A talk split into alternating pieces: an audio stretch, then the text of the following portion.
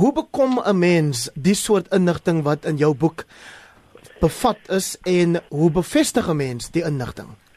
Wel, jy weet ek toe ek die boek geskryf het, was ek nie meer 'n joernalis nie. Ek het journalistiek verlaat aan die einde van 2014. Ek is eintlik nou 'n restauranteur en ek het 'n gastehuis en 'n kroeg. So toe ek met mense begin praat het, daar was nie 'n vrees dat dat ek iets sou publiseer ehm um, sommer net in 'n koerant of dat ek dat dat dat hulle het hulle het veilig gevoel om met my te praat. Dis die eerste ding. Die tweede ding is dat ek dink mense onderskat die ongelukkigheid in plekke soos die soos die inkomste diens, plekke soos die valke, plekke soos staatsveiligheid waar daar amptenare sit en baie goeie amptenare en baie en amptenare wat baie goeie werk doen. Maar daar sit wat baie ongelukkig is met wat gebeur op die oomblik.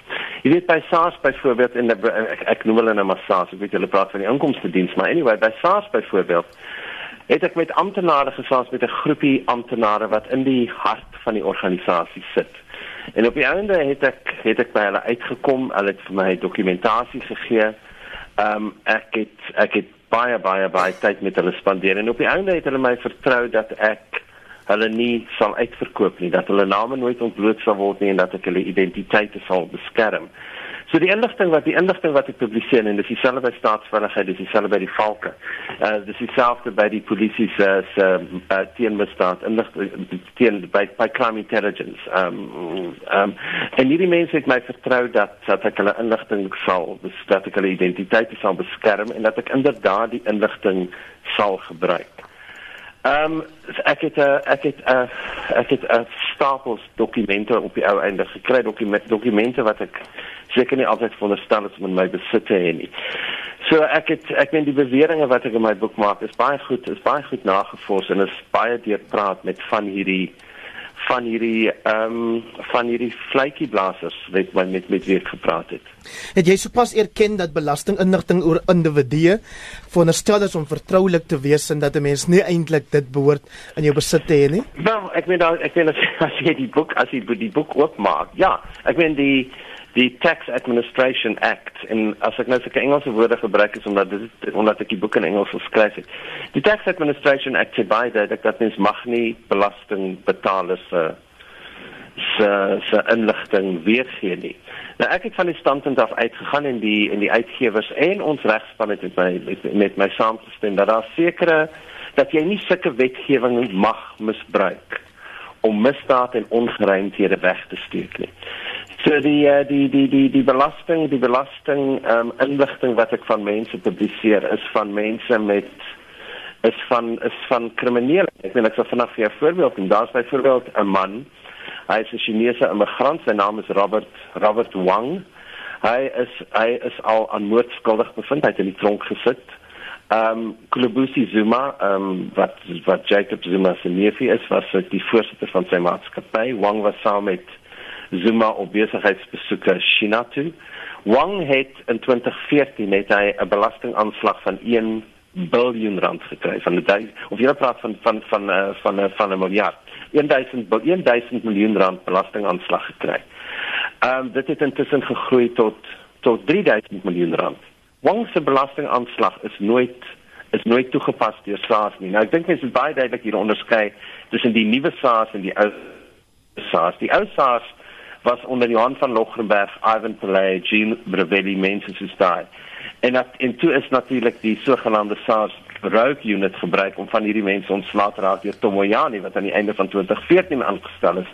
En soos ons almal weet en dit is geen geheim nie, Tomoyani 'n uh, 'n kroonie van van Jacob Zuma.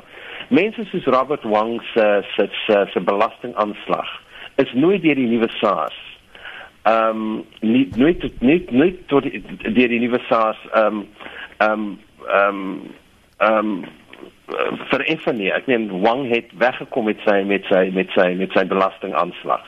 En dit het jy weet van dat van dat Tomoyani oorgeneem het. Ehm verlede jaar het SARS 'n tekort van 30 30000 miljoen rand gehad. Hierdie jaar het hy uh, ek gaan het hy 'n tekort van 50000 uh, miljoen rand, 50 miljard rand. En ek dink die die die die kern van my boek is is hoe Jacob Zuma die die law enforcement agencies, die wetstoepassing passingsagentskap en ons praat van staatsveiligheid, ons praat van crime intelligence, ons praat van die valke, ons praat van SARS, ons praat van die nasionale vervolg, vervolgingsgesag.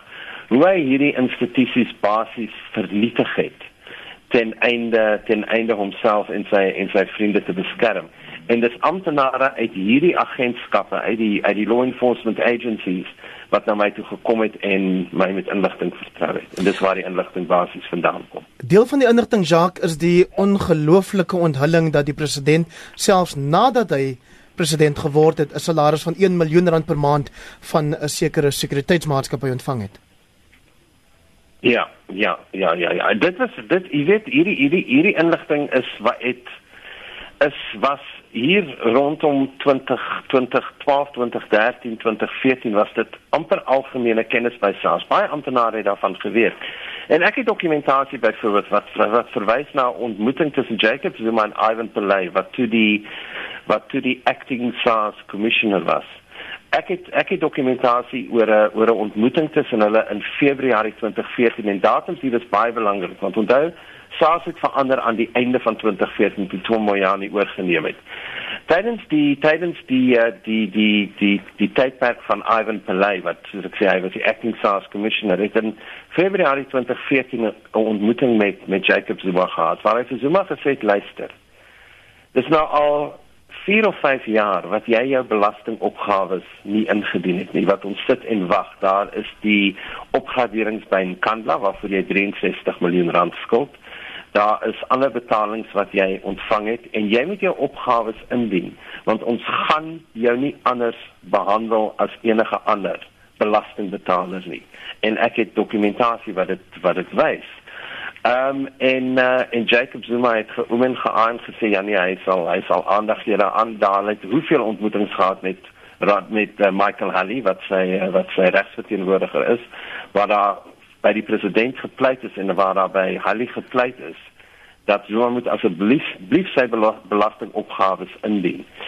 Ehm um, wat hy nooit gedoen het nie aan die einde van 2014 is Ivan Pillay ehm um, is Ivan Pillay van Loggenberg en die ander is weg en uh, en en en Tomoyani het oorgeneem. Die president het in sy verklaring gister gesê, dit is baie interessant, hy het gesê maar hy is nou om die Engelse woord te gebruik tax compliant. Hy het intussen sy sy belastingopgawes ingedien. Dit mag wel wees en ek sê ook in die boek dat dit wel mag wees dat Tomoyani die president gehelp het om uh, om om uh, om belastingpligtig of, of, of om tax compliant te word. Ja. Wat ons graag wil weet is het die president sy sy belasting wat hy vir 'n kandlas skuld het, hy dit betaal? Het hy sy ander ander inkomste het hy verklaar? Hoe het die hoe het die president tax compliant geraak? Dis wat ons wil weet. En dis al wat Jacob Zuma sê in sy verklaring. Hy sê ek is nou tax compliant. Dit mag wel waar wees, maar ons wil weet hoe hy tax compliant geword het. Jacques, ek het nog so drie vrae vir jou. Nou jy het vroeër gesê jy's deesdae restaurant eienaar daar in die Swartland. Ehm um, so jy sal weet dat as 'n mens iets op jou spyskaart het, dan moet jy dit vinnig genoeg kan aflewer. Ek vra jou dan om net so 'n bietjie korter te praat as dit moontlik is. Die naam Nkosazana Dlamini Zuma verskyn ook in jou boek. Sy het baie onlangs gesê dis nie waar dat sy enige bande met die Guptas het nie of dat sy 'n begunstigde van hulle is nie. Nou sê jy in jou boek dat die selferkende smokkelaar Adriano Mazzotti blykbaar sorg dat sy caps en teehemde kan uitdeel by haar verkiesingsbyeenkomste vir die ANC leierskap stryd.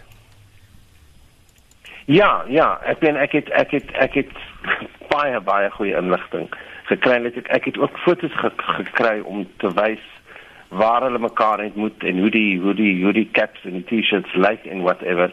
En dat Mazati nou Jy weet, Mazati het byvoorbeeld het het het het het het het kom nou toe kom nou vir kommentaar gevra het van Vrydag af vir die vir die Sunday Times stories. Vir hom te vra of dit waar is, sê nee nee nee, dis natuurlik nie waar nie want hy het nog nooit in sy lewe het hy enige enige politieke party of enige politieke beweging ondersteun nie. Wel, ek het 'n affidavit. Ek het 'n beëdigde verklaring van meneer Mazotti wat geteken is op die 6de Mei 2014 waarin hy erken dat hy politieke dat hy dat hy politieke bydraes maak. Ehm um, jy weet, maar Zaki sê byvoorbeeld nou dat hy weet nie van hierdie beëdigde verklaring nie en daar seker goed in die beëdigde verklaring wat nie reg is nie ensovoorts ensovoorts. Ek dink die lang en short of it is daar is daar is goeie getuienis dat Mazotti vir vir, vir Dlamini Zuma ontmoet het. Nou Dlamini Zuma mag dalk weet mag dalk nie weet wie Mazotti is nie. Ek meen sy mag dalk ehm um, sy mag dalk uh jy weet uh, verkiesings T-shirts en keppe by hom gekry sonder dat sy presies geweet het wie hy is. Ek meen ek weet nie of Dlamini Zuma toegang gehad het tot die tot die beëdigde verklaring wat ek ja. het nie.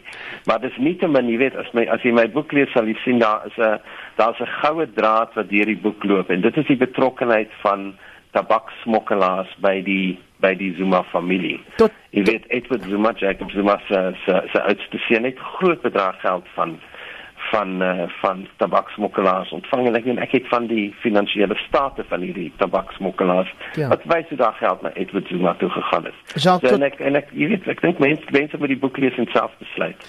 Tot gister uh, met die vrystelling van die boek Jacques is dit agter 'n goue slot en grendel toegebere. Waarom was dit belangrik? Is dit omdat jy dalk regstappe verwag? Ja, um, ek meen ons het ons het vir die vir die publikasie van die boek het ons het ons saam het ons het ons ontmoetings gehad met met prokureurs en en advokate en daar's op die einde vir ons gesê dat die boek is 'n uh, is 'n is 'n legal minefield. Dit is 'n wetlike mynveld uh, en dat dit gevaarlik gaan wees om almal vir kommentaar te vra omdat omdat hulle dan 'n aansoek kan bring om die publikasie van die boek te stop. Nou hierdie boek is nie 'n suiwer suiwer werk van van van journalistiek nie. Ek weet ek is nie meer 'n joernalis nie. Dis nie 'n suiwer werk van journalistiek nie, maar in die in die perskode byvoorbeeld. Ehm um, waar aan waar aan journal wat wat wat wat wat journaliste moet gehoorsaam. Is daar byvoorbeeld 'n klausule wat voorsiening maak daarvoor dat as 'n publikasie voorsien dat publikasie gestop kan word deur mense te nader vir kommentaar, dan is dit geregverdig om die kommentaar te weerhou of om om nie na hulle toe te gaan nie. En dit is presies wat ek gedoen het in hierdie geval. Ek ek meen ek ek het vir jou gesê daar is daar is wetlike daar is wetlike probleme met die boek. Ja. Ek meen ons verwag selfs aksie vandag. Ek meen dit kan dit kan hierdie week nog plaasvind. Maar dit sou definitief vir ons baie gevaarlik gewees het om uh, om na almal toe gegaan het of om of om free publicity vir die boek te gedoen het. Dit was net dood eenvoudig te gevaarlik. Verwag jy enige optrede teen die president? Nee. Ek meen, weet ek dink ons moenie ons ons moenie in 'n droomwêreld leef nie. Ek het nou net gesê dat dat Jacob Zuma het die het die NPA, hy die hy die valke is vernietig. Uh daar is nie meer die wil om mense in hoë plekke ehm um, te volg en te jaag nie. Ehm um, jy weet nee, ek meen ek ek ek, ek verwag ek verwag nie dat enigiets met Jacob Zuma gaan gebeur nie. Ek dink ook nie dat die ANC teen Jacob Zuma gaan optree nie. Ek weet nie wat dit gaan kos om om Jacob Zuma uit die uit die kussings te lig nie. Ek meen dit is ongelukkig die wêreld waarin ons leef op die oomblik. En Jacob Zuma het dit baie goed gedoen. Ek meen hy sy sy kronies is aan die aan aan die stuur van saak en elkeen ja. van die van die law enforcement agencies